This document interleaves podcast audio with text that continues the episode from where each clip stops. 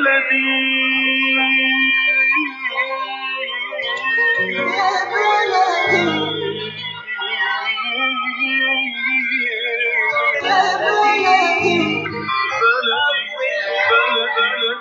وسهلا بكل الذين ينضموا للاستماع إلى راديو بلدي اول راديو عربي أمريكي ويعنى بقضايا العرب في المهجر. برامجنا في راديو بلدي كل يوم جمعة من الثامنة وحتى التاسعة صباحا في بث حي ومباشر عبر كي راديو 690 اي ام. صباح الخير بلدي صباح الخير لكل مستمعينا. Welcome to Radio Baladi, the first Arab, Middle Eastern, and American simulcast radio show. Radio Baladi is broadcast every Friday morning on WNZK 690 AM from 8 until 9 Eastern Time on Good Morning Michigan. Our call-in number 248 557 3300. And now, stay tuned for the best radio talk show on Arab and American issues.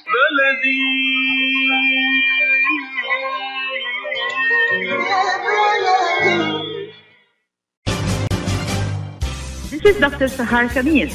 Welcome to my program, The Bridge. A monthly show bridging different cultures, communities, and faith traditions. Watch The Bridge on America's Voice of the Arabs Network on all social media platforms. Good morning, everyone. Welcome to another great episode on the program The Bridge on US Arab Radio. This is your host, Dr. Sahar Khamis. We are talking today about the most important, most timely topic, the Gaza crisis. And we're going to talk about covering Gaza, media frames, disinformation, and conflicting narratives. And with me this morning discussing this important and timely topic is Mr. Omar Rahman, who is a fellow with the Middle East Council on Global Affairs and also a seasoned journalist. And with me also is Mr. Mike Sexton, who is an expert on cybersecurity and Middle East affairs. Welcome to the program, and thank you so much for joining us. Thank you for having us. Thank you. Uh, Omar, I'll start with you with a question about the dominant frames in Western media coverage. How do you perceive the dominant frames that have been overtaking Western media when talking about the unfolding crisis in Gaza? Uh, thank you, Sahar. Um, you know, um, coming from a journalism background, um, you know, I spent most of my career as a journalist, not as a policy analyst, uh, as well as you know, I, I, have a master's degree from Columbia School of Journalism. I've been, you know, rather shocked um, at what I've seen from the Western press in terms of covering uh, this issue since October seventh. You know, I, I had no, um, you know. Uh, I, I, it's not like I was naive when it came to that. You know, I've been watching that coverage my whole life, uh, and to be honest, for for years now, I barely watch American broadcast media because I don't think it does a very good job. I get most of my information uh, from from uh, you know the written press. Um, but at the same time, you know, when we're when we have these type of roles, it's incumbent on us to pay attention to you know how the press actually is covering the issue because it is not uh, you know, it's not. Uh, it's a it's a player in these things. It helps shape public opinion, and public opinion is important uh, when um, you know in, in, this whole thing because it helps drive policy. It's you know as in, in, in as Noam Chomsky uh, has put it, you know, in terms of manufacturing consent, uh, you know, it is it's a player in all of this. Uh, and so what I've seen from the from the Western media, from the broadcast media, from the CNN, the Fox News, MSNBC, et cetera, BBC, uh, has been, you know, uh, has been shocking in the sense that how one-sided it is, how often it is just repeating, you know, parroting uh, the Israeli military line, um, how much it has dispensed with any context whatsoever uh, for weeks into this whole situation. Um, you know how little it's done to actually cover what's happening inside Gaza itself. You know, relying on the Israelis when they've gone into Gaza. And again, I, you know, part of this is is you know the constraints that Israel imposes on journalists. But you see something like you know CNN uh, correspondents embedding with the Israeli military, uh, going into Gaza, and then you know being spoon fed from a military spokesman inside of a hospital, and then agreeing to allow that their news coverage to go through Israel's military censors. So, you know, at what point in the line is this going to be, you know, a, a non-biased coverage? So, what we've seen, I think, in terms of the framing is you know more often than not, uh, or you know almost exclusively in in some regards, uh, you know an Israeli uh, uh an Israeli point of view, uh, one that's kind of dictated by the, the by the military. uh, using Israeli spokesmen, Israeli military officials, retired military officials to you know to comment, to analyze, uh, to give their opinions uh, in a way that's not offered to the other side in terms of balance of coverage, uh, and and most importantly, again, not providing any context uh, whatsoever. You know, treating this situation as as uh, October 7th as the beginning point uh, in a conflict that's 75 years old, more than 75 years old. But you know, you can start with 75 years. That would be a good start, uh, or even 56 years of, of occupation. So uh, it's been very shocking to watch uh, the framing of this issue in the, in the Western press, and I don't think, uh, you know, as a journalist watching it, you know, I don't think we've done a good job or adequately served. the situation and that you know it, it does a disservice to everybody in terms of the information that they're being fed. Yeah, thank you so much, uh, Omar. But I want to ask you also when we talk about these dominant frames and some of the issues that you highlighted, like being one sided or not balanced enough, or all of that stuff, have you seen any kind of differences or discrepancy? Let's say, for example, between European versus American media, or even within American media itself, between some outlets and others, when it comes to the way they are handling and covering this crisis? You know, I don't pay as close attention to the European press. You know, I've watched uh, the BBC a bit, um, and you know the various uh, American news outlets. Uh, some of them, again, not all of them across the board. Um, again, I have a very hard time watching the American broadcast media. I do it as a as a professional, but not as a consumer as much because I find it, uh, you know, again, the information. I don't do it for information purposes, uh, but I do it to to watch how uh, the the narrative is being shaped. Um, and I haven't seen much of a difference across the American media landscape. You know, one person uh, remarked to me the other day that CNN today is like watching Fox in terms of uh, what they are receiving, the information that they're receiving, the one the one-sided information, um, and you know that that is quite unfortunate. So you don't see that much. Although uh, you know on certain channels, MSNBC, you do see anchors there, uh, television hosts uh, that have a much more nuanced opinion. So I, I have to give MSNBC credit in so, to some regard uh, in that sense. But other journalists, you know, they don't do a good job uh, pushing back, uh, demanding answers from from their uh, from their guests. Who, you know, I, I was watching. Gosh, what was I watching? Um, um, I was I was watching some Israeli official, you know, talking about how uh, everybody is responsible that uh, for for Hamas's actions because they all you know they all voted for them. Well, the, the, I didn't I didn't see the the journalists say, well, the elect, last elections were held in 2006. That 50 percent of Gaza's population today is under the age of 18, uh, and that even those people that voted again, Hamas got 30 to 40 percent of the vote back in 2006, and that you know that would require you to be over the age of 36 to have possibly voted in those elections. So you're talking about, you know, a small segment of Gaza that could have voted for Hamas, and yet everybody's responsible. Again, the journalists didn't even push back on any of that kind of stuff. So that's the kind of thing that we're seeing that's very uh, uh, uh, wrong, shameful, and dispiriting, and and I think is a breach of journalistic professionality and ethics. Uh, so it's a shame to see that. Thank you so much, Omar. Mike, I'll come to you with a question about social media and digital media, taking into account your expertise in the area of cybersecurity. And did you see some kind of discrepancy between the handling of this crisis in mainstream Western media compared to the handling across different social media and digital media platforms? Mm-hmm. Um, so I think we've definitely seen um, some issues with with social media uh, management during uh, this war. Um, I, I, also want to just say uh, that, that, I agree with everything that Omar has pointed out, and I think especially speaking of MSNBC, Mehdi Hasan deserves an incredible amount of credit right now for speaking independently, differently from most of his colleagues. Um, but you know, I think on social media uh, the the greatest concern is this tension that has always really existed between journalism, between getting it right and getting it first.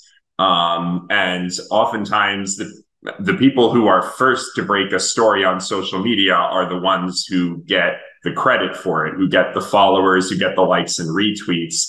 Um, and that's fine when the stories are accurate. Um, it's not fine when the stories are less than accurate. Um, I think you saw you saw this recently in a, in an example of um, a video of a woman who was claim was claiming to be inside of Al Shifa Hospital, claiming to be a doctor inside of Al Shifa Hospital, saying there's fighting, the Hamas is fighting in here, everyone needs to get out of the hospital right now. Um, and shortly after this video went viral on social media, you had ex- actual doctors from Al Shifa saying no one has met this person. Uh, the way she's pronouncing ha and Hanas is Hanas is uh, is clearly not actually Arabic. Um, and so people realize, you know, this this video seems like a hoax. Um, and I think that's really the biggest problem with with social media is um, even though it kind of democratizes information, it gives everyone access to more information and the ability to take information they find and share it.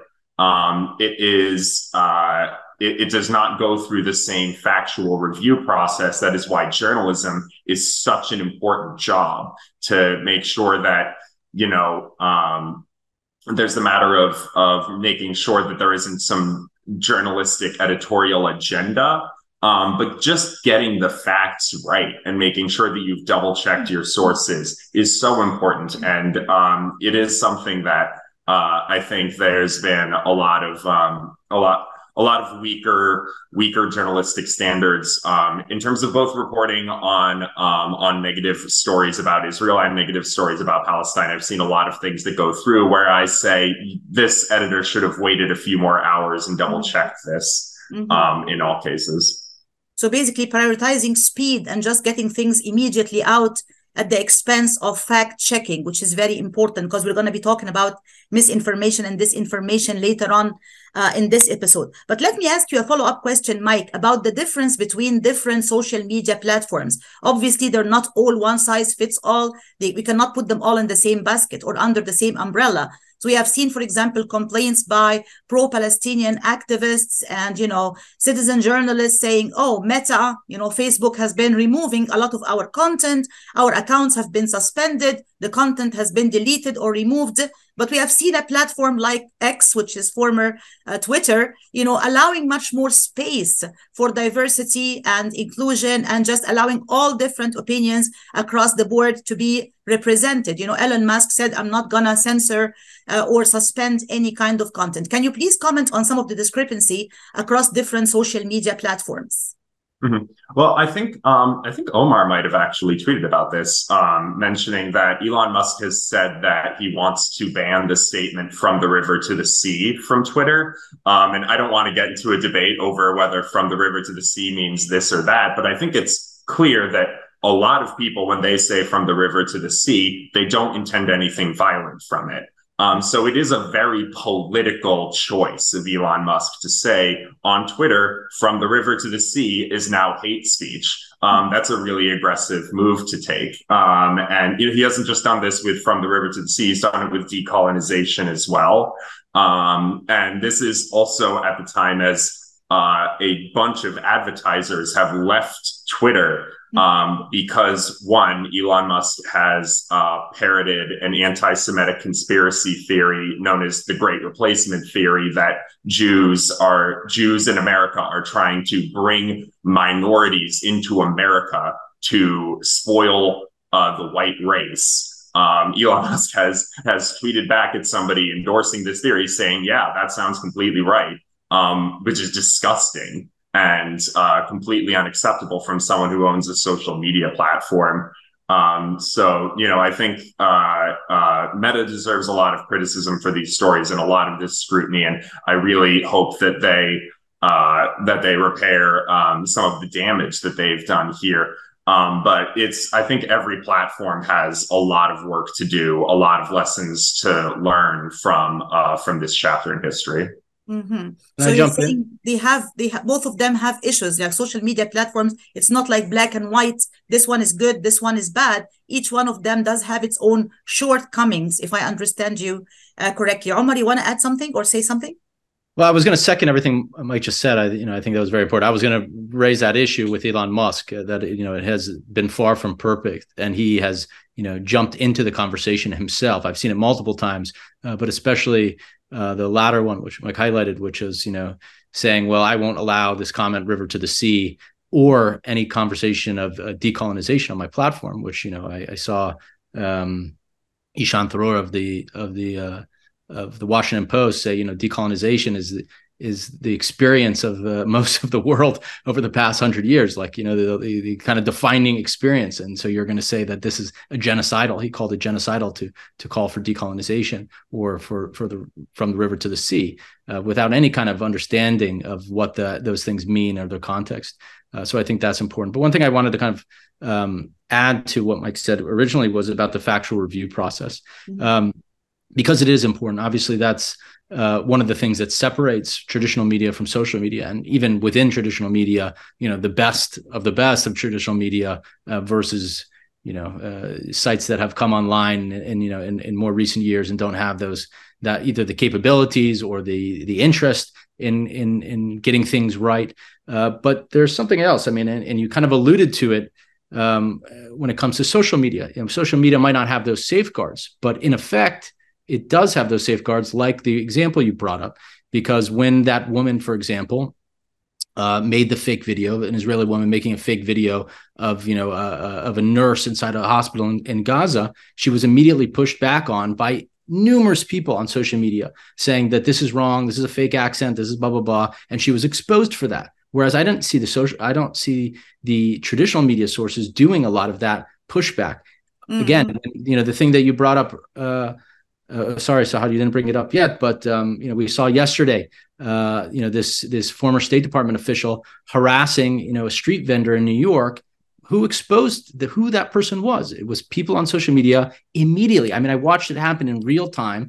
People find out who is you know somebody asks who is this person, and you know within a few minutes oh, this person looks like they were a State Department official for the Obama administration, his full background and exposing that person. So you do have a kind of democratization both in the information that's coming out on social media, which is vitally important because we wouldn't really know what's happening in Gaza without social media. Mm-hmm. Uh, and that has been extremely important in, in, in reshaping the narrative and pushing back on the kind of official narrative that's come out uh, within the traditional media platform and from the Israelis and from the American political establishment.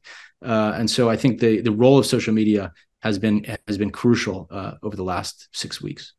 Very important points uh, indeed, and I think it's very ironic that uh, social media has been doing more fact checking than the mainstream, uh, you know, media, which is supposed to be more professional and to follow the fact checking rules and other professional standards and ethical considerations. But it seems like, and I agree with both of you on that, that social media has been doing more of that fact checking and more of that revealing of the truth compared to mainstream media. We'll come back to this very important conversation right after this commercial break. Stay tuned, please. أصبح الطقس أكثر برودة كلما بدا أن ارتداء الأوشحة والقبعات والقفازات فكرة جيدة توفر طبقة من الحماية إن الحصول على لقاح كوفيد-19 والإنفلونزا يوفر لكم طبقة أخرى من الحماية يمكنكم الحصول على كلا اللقاحين في نفس الوقت. لمزيد من المعلومات يمكنكم التحدث مع مقدم الرعاية الصحية أو زيارة الموقع michigan.gov/covidflu RSV استخدموا طبقة أخرى من الحماية من أجل راحة بالكم. رسالة من وزارة الصحة والخدمات الإنسانية بولاية ميشيغان. When you're looking for the best in optical care, Dr. Imad Nakash is your doctor to see. With years of experience and thousands of successful procedures performed, you can trust your eyes to Dr. Imad Nakash. See Dr. Imad Nakash and his professional staff for your eye care needs. There's two locations to serve you. In Hazel Park, call 248-336-3937. 248-336-3937. In Rochester Hills, call 248-299-3937. That's 248 299 3937. Get ready for an amazing experience at Ishtar Restaurant on 15 Mile Road in Sterling Heights. Enjoy excellent hospitality from owners Ali Al Baghdadi and Fatty Bottom, serving the best in Mediterranean food. Try Chef Ali Al Baghdadi's famous shawarma, the best Iraqi grills and food, and the best Arabic and international dishes. Dine in our authentic atmosphere or take out. Call 586 698 2585 or check us out on Facebook. Ishtar Restaurant practices all CDC guidelines and is open every day 11 a.m. to 10 p.m. Have an amazing experience today at Ishtar Restaurant, 3625 15 Mile Road, Sterling Heights. This is Dr. Sahar Khamis. Welcome to my program, The Bridge. A monthly show bridging different cultures, communities, and faith traditions. Watch The Bridge on America's Voice of the Arab Network on all social media platforms.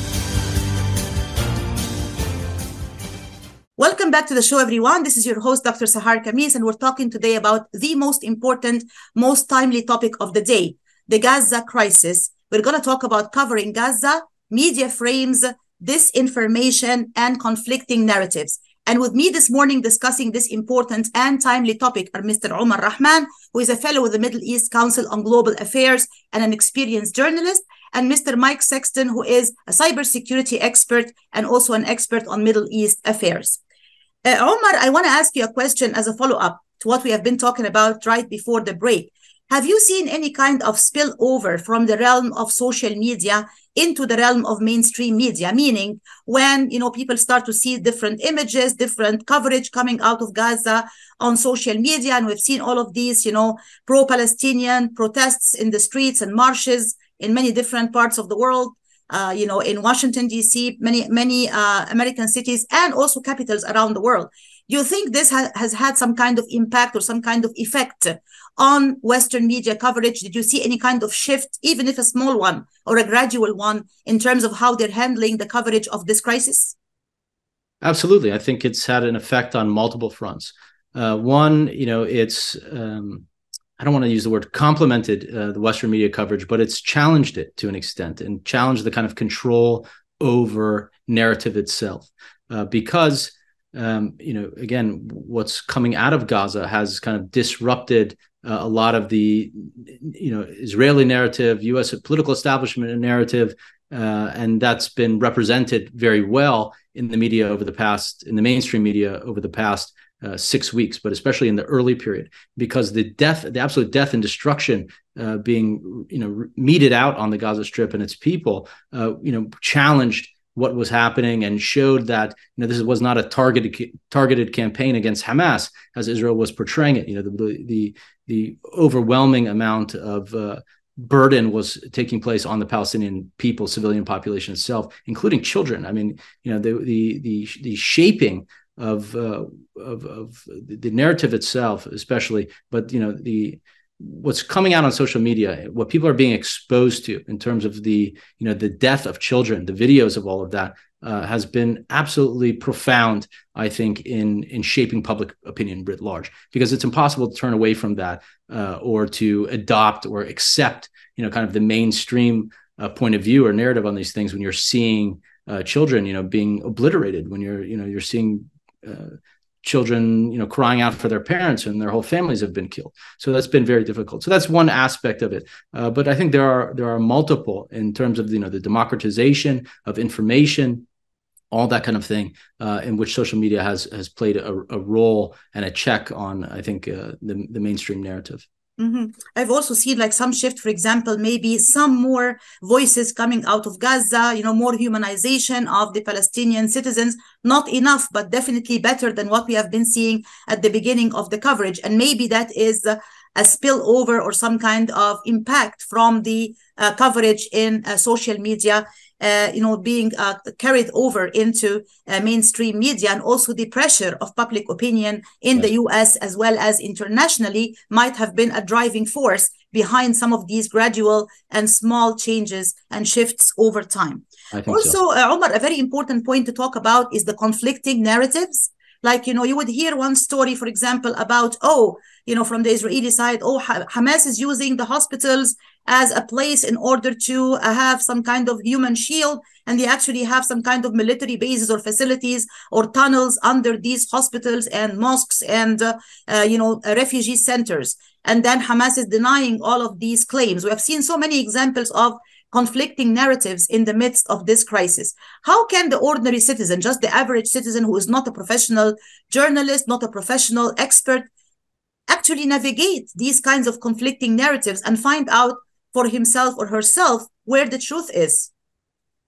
It's very difficult. You know it's difficult for your experts let alone your average person. But at least you know your expert comes in with more context and the ability to filter information. So i think it's much more difficult for your average person to filter and know what's accurate and what's not.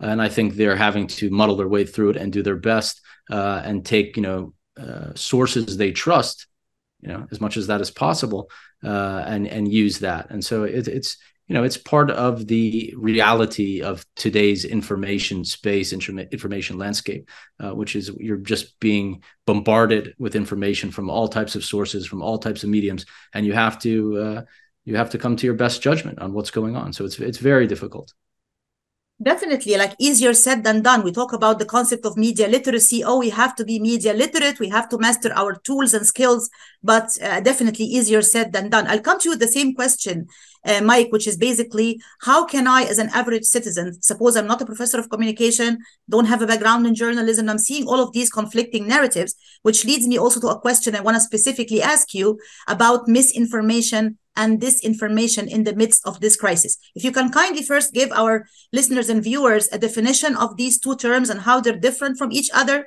and then give them some kind of viable guide to be able to navigate this conflicting and sometimes fake and false content around mm-hmm. this crisis. Mm-hmm. Yeah. So um, the distinction between misinformation and disinformation, I would say, is um, misinformation is just general inaccurate information that is misleading people, but that doesn't necessarily come with an agenda. It could just be poor reporting. It could be that someone misrepresented something that is in an article, but not out of malice. Disinformation is more intentional. So, like we mentioned, the fake video from inside of Al Shifa Hospital with the fake doctor, that would be disinformation. That is an actual hoax that someone created with a political purpose. So, that's where I would kind of clarify that distinction. And I mean, if I could um, do any, like, I think, well, one thing that's really important is to make sure that everybody is fully aware that not everybody in Gaza supports Hamas, and anybody who is suggesting that should not be in a position of leadership. It's an appalling uh, position to take and just justifies like absolutely horrendous military action. Um, there, there's there are organizations that are trying to speak to Gazans who are criticizing Hamas's leadership and management and governance, um, like the Center for Peace Communications, uh, that are showing that distinction between an everyday Gazan and a member of Hamas. But I think if I had any advice for anyone trying to navigate the the the um, conflict right now, I don't think anybody should give 100% credibility to something that either comes from Hamas or that comes from the IDF.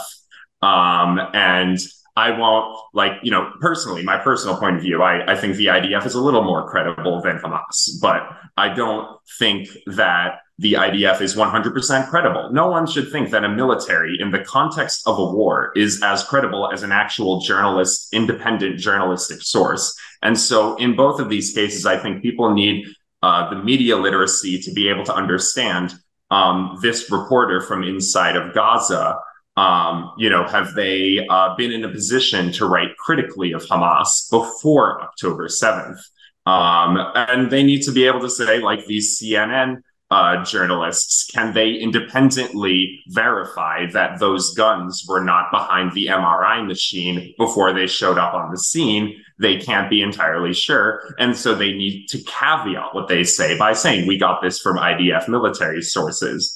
Um, so I think that's really the biggest challenge is everyone is understandably very emotional and passionate about this war. Um, but it's very difficult to be able to enter this and um, understand through that expert lens that the truth is very difficult to discern. Um, and it takes time and it takes patience. Um, and it takes this skepticism again across uh, across different forms of media um, and across different uh, lenses that the journalists are coming from.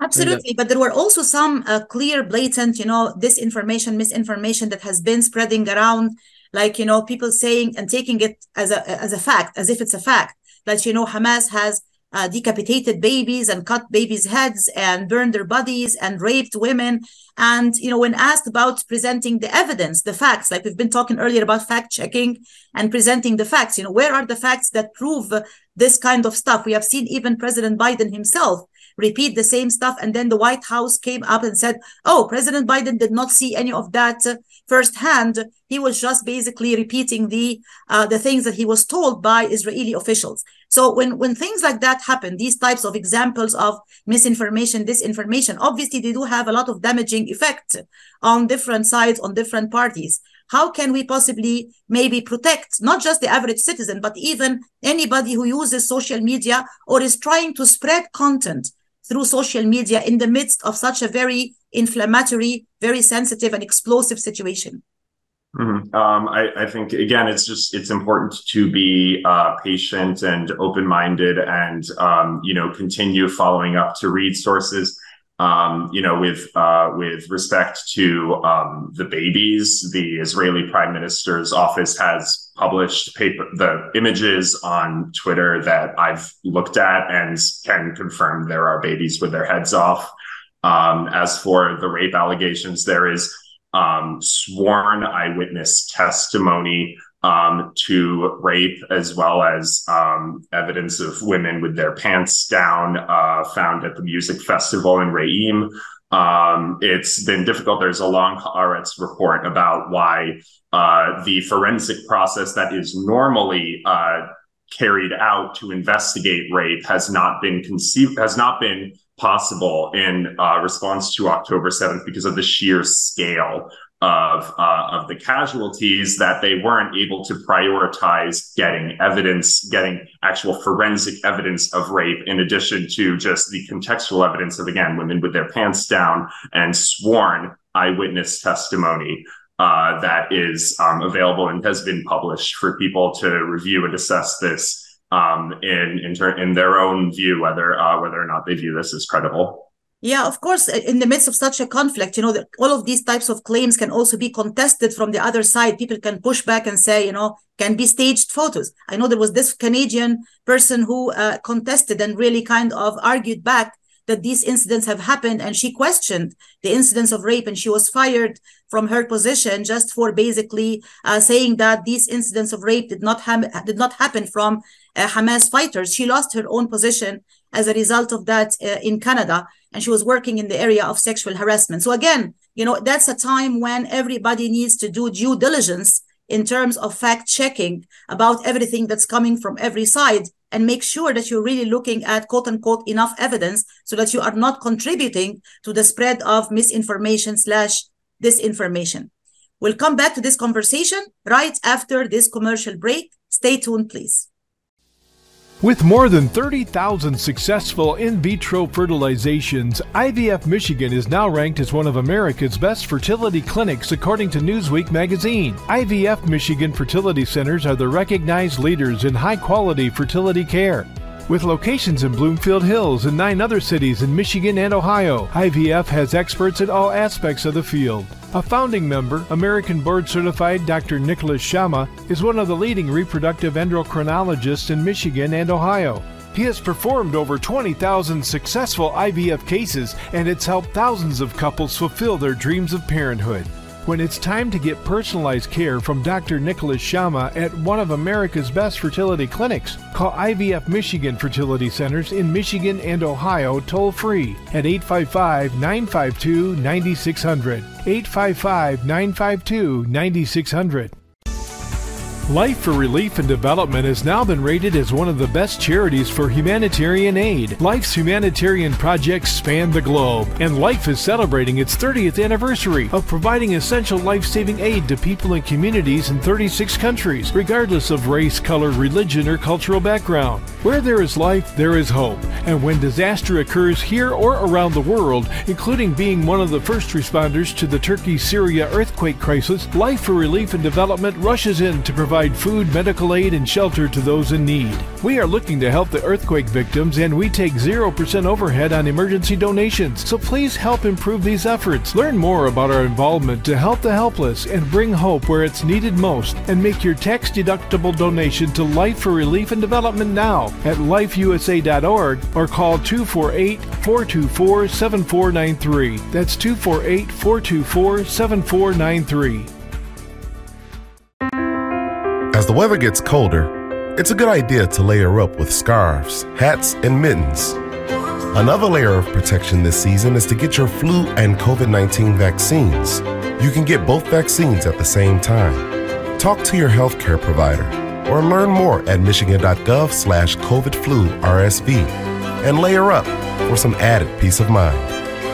A message from the Michigan Department of Health and Human Services. Are you going to start a restaurant or a grocery store soon? Do you need floor plans and designs? Call Naji Abood at 734 744 9796. Do you want to buy kitchen and restaurant equipment at discount prices?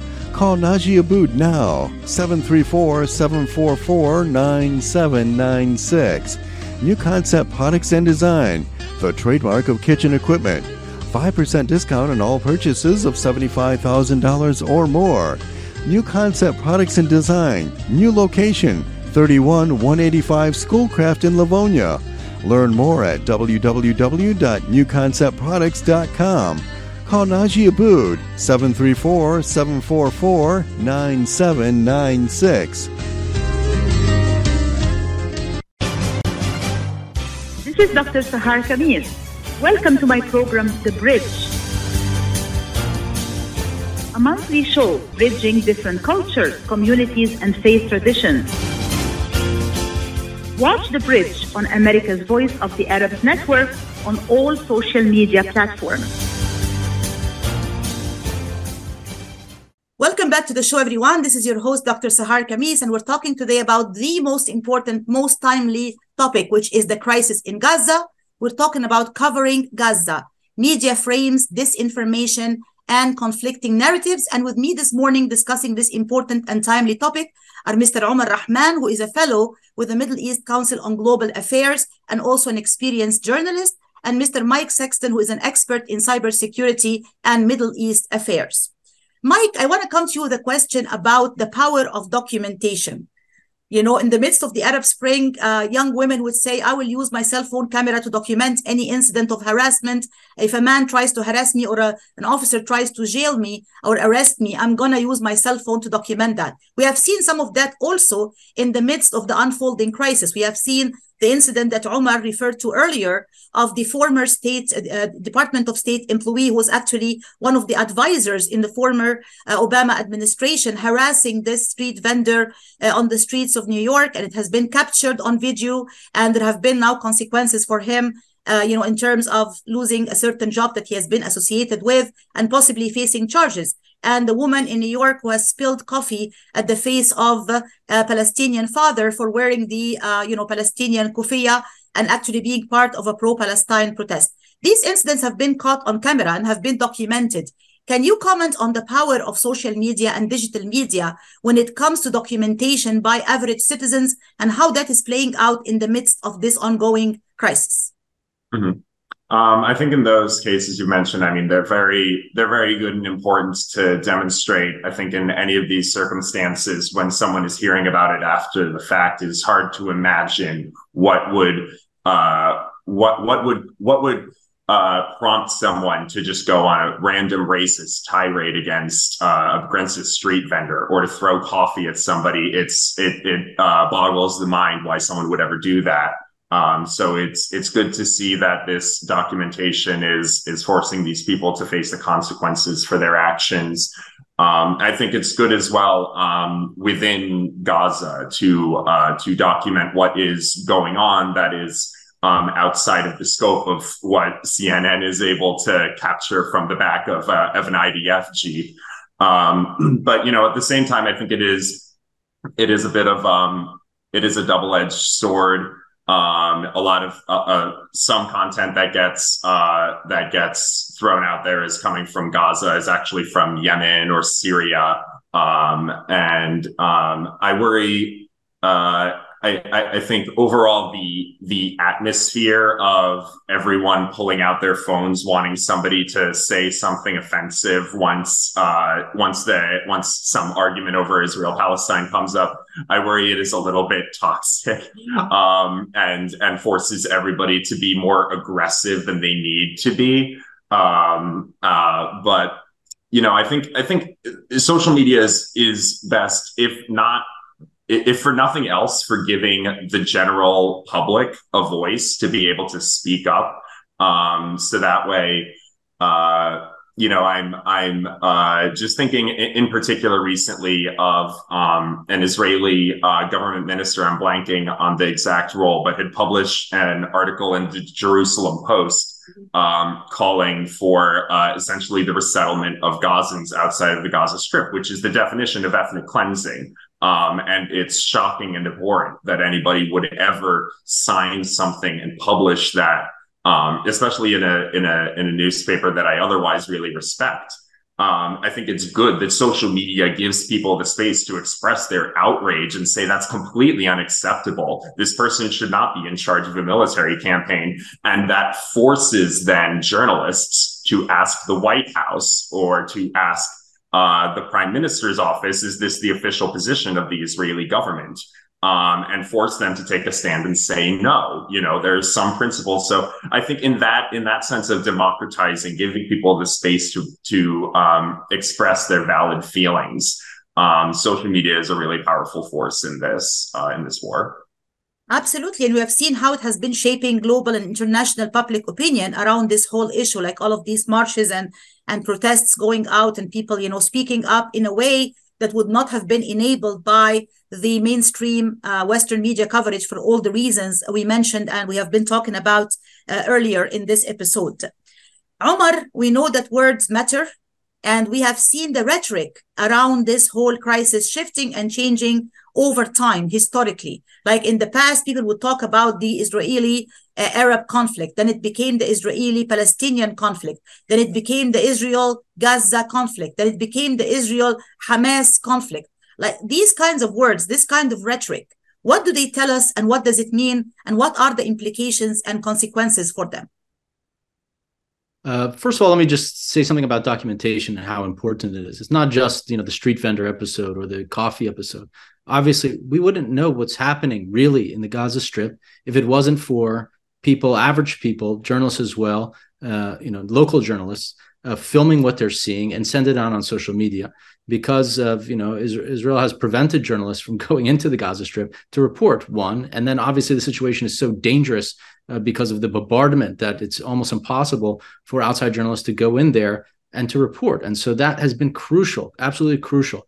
Uh, in providing information to the public that consumes media, especially through their social media. And we see the major break in the difference between those people who consume their media through traditional media channels and those who have done it through social media. And they have helped shape uh, what the journalists are doing because journalists also consume or ga- gather a lot of information from what they're seeing on social media. And we saw that with the Al Shifa thing, and I can get into that. But I know you want to focus on narratives.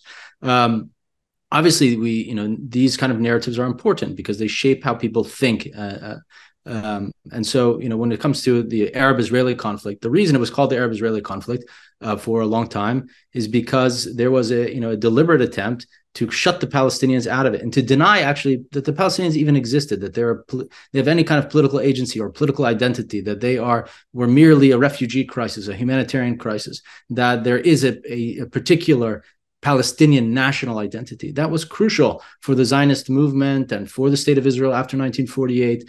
Uh, that changed over time because the Palestinian national movement reorganized itself after 1948. Uh, its partners in the Arab world helped center the Palestinian cause as the as the center of you know what was broadly described as an Arab-Israeli conflict. No, it's not just Arab-Israeli. It's really it, it hinges and pivots on the Palestinian cause, and so the Palestinians had to force themselves, you know, against the odds and against uh, um, you know a counter uh, narrative that they were part of this struggle and that you know that this this was really uh, about about them and their uh, uh, uh quest for for liberation for freedom and for self-determination. Uh, so you know it has been shaped over time.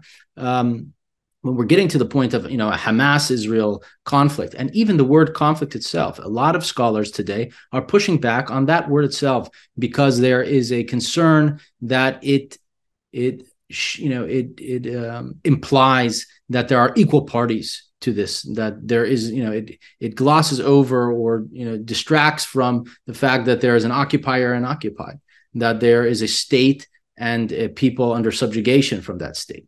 And so people are very concerned with words uh, and how they shape points of view and how they shape opinions and all this kind of stuff. So even the word war, as applied to what's happening now, is a war between state actors, between Israel uh, and another state? No, it's between Israel and the people it occupies and an armed group within that that is resisting its occupation. Whether whatever you think about Hamas and its version of armed struggle and its tactics that it employs and the use of terrorism or whatever, you know, we have to understand that this is not a war between two equal parties or be- even between two states itself. And so words definitely matter in terms of shaping perspective and point of view and all that kind of stuff. And it's, you know, it, the words that are being used are are deliberate often sometimes not but more often than not they are deliberate used to kind of shape and skew uh, how people absorb the information that they're hearing. Even the word occupation itself, uh, this kind of thing. Uh, these are these are loaded terms. Uh, sometimes they have basis in international law and they're used for a particular reason, and sometimes not. So, um, you know, we have to be very careful in how we consume information and the words that, that are being used and all that kind of stuff. And often, most often than not, it's the powerful party that is shaping the narrative by choosing the terms that are used to discuss the issue itself. Absolutely, words matter. Even words like apartheid or words like genocide create all sorts of controversies and all kinds of feelings and emotions uh, on all sides, and sometimes create even some kind of pushback uh, against the usage of these particular types of words because words do matter. Mm-hmm. We'll come back to this very important conversation right after this commercial break. Stay tuned, please.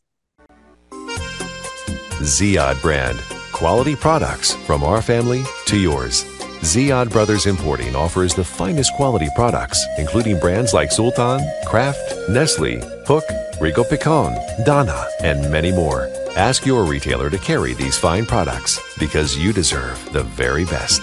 For more information, visit our website at www.ziyad.com. That's www.ziyad.com. Ziyad, quality products from our family to yours.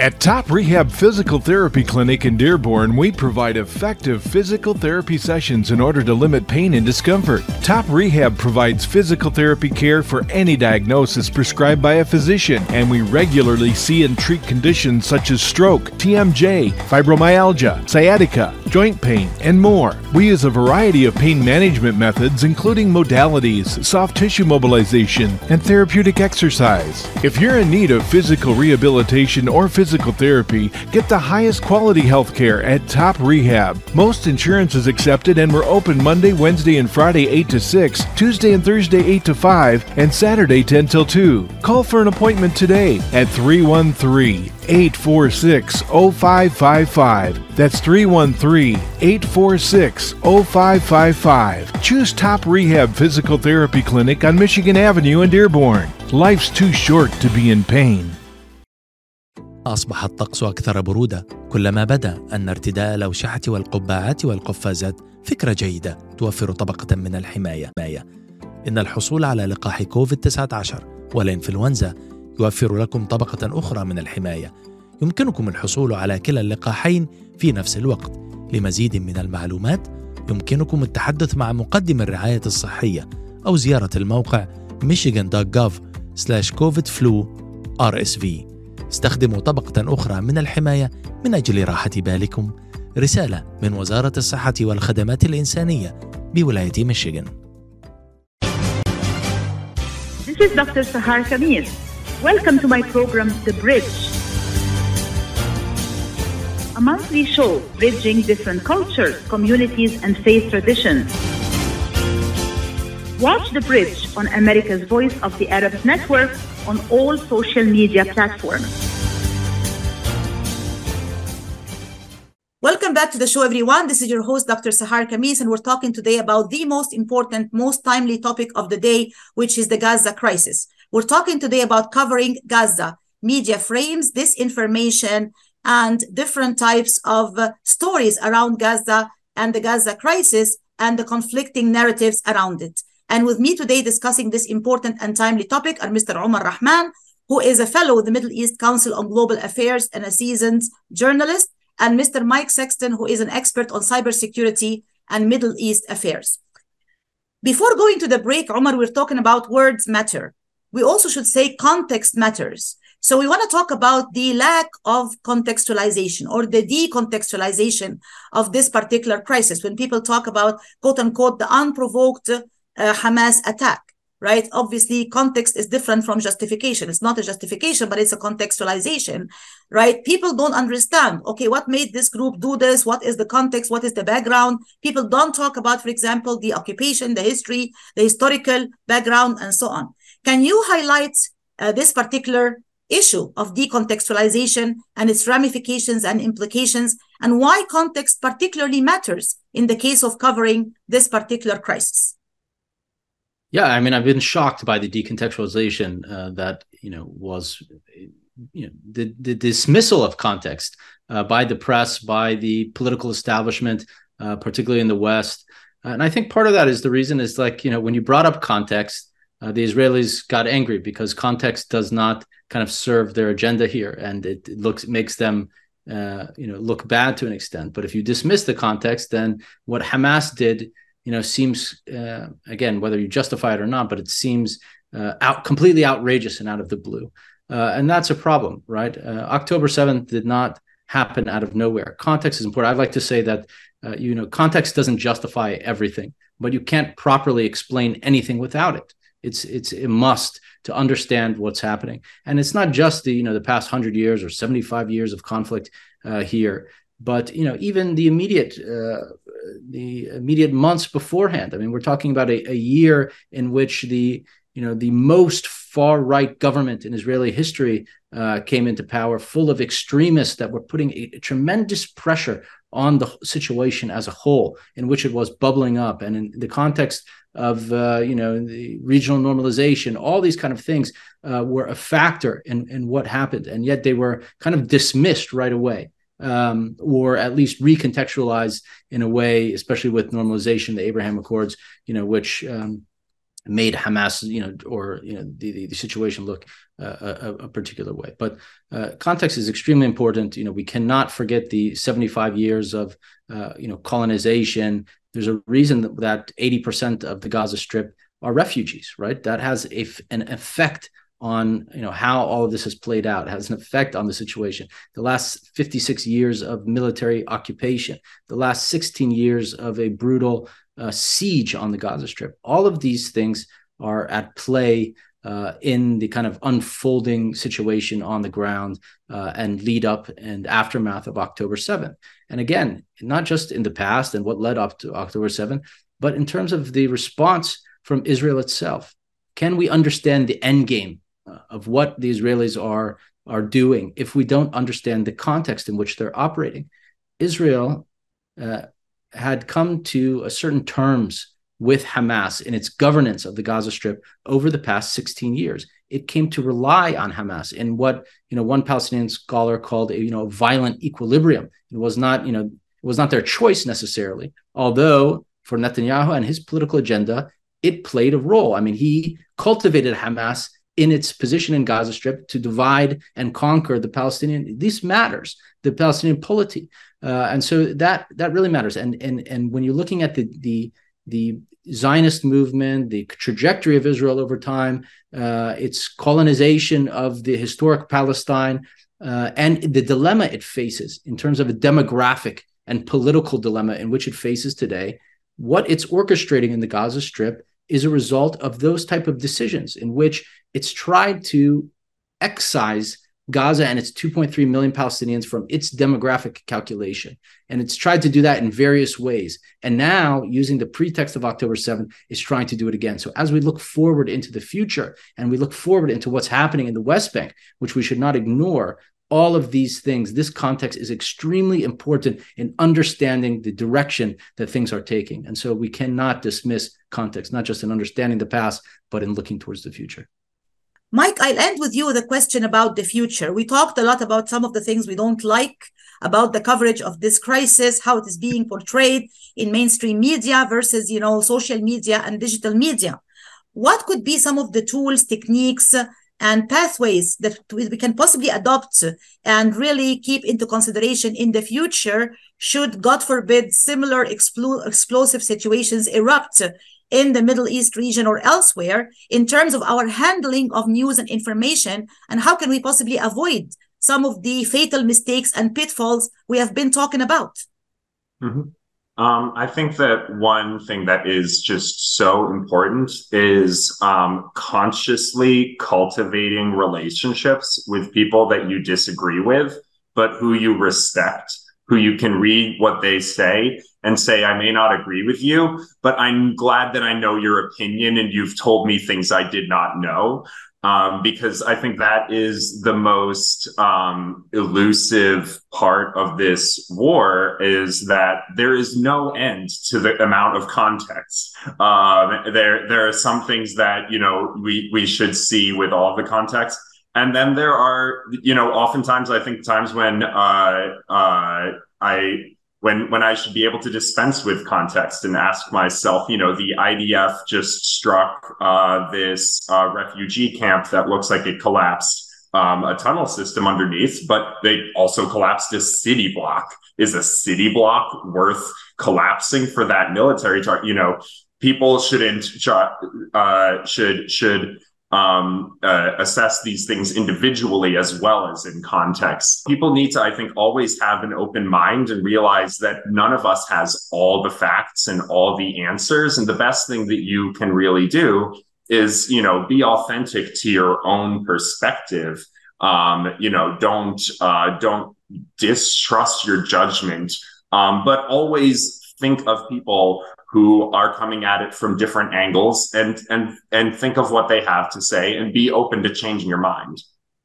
Absolutely. That's at the individual level which is very important and open being opened up to other ideas other alternative stories narratives and different viewpoints is very important.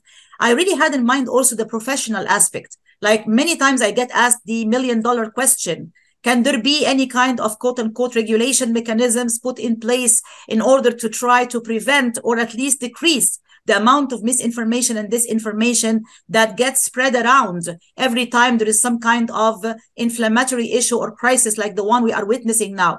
From a professional point of view that of a cyber security expert and so on can we possibly think of any kind of control mechanisms to decrease some of these damages and avoid some of these disadvantages moving forward Mm-hmm.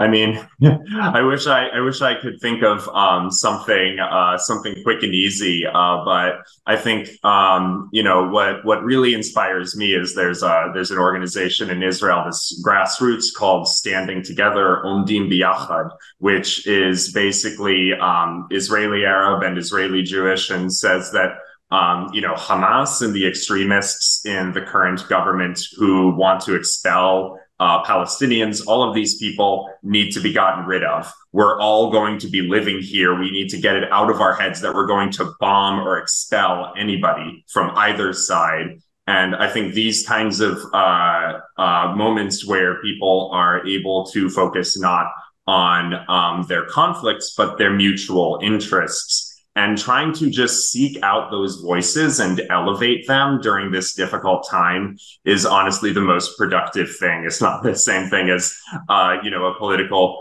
uh, policy option. Um, but, you know, I think those kinds of, you know, uh, endeavors to breach across these divides are so important right now.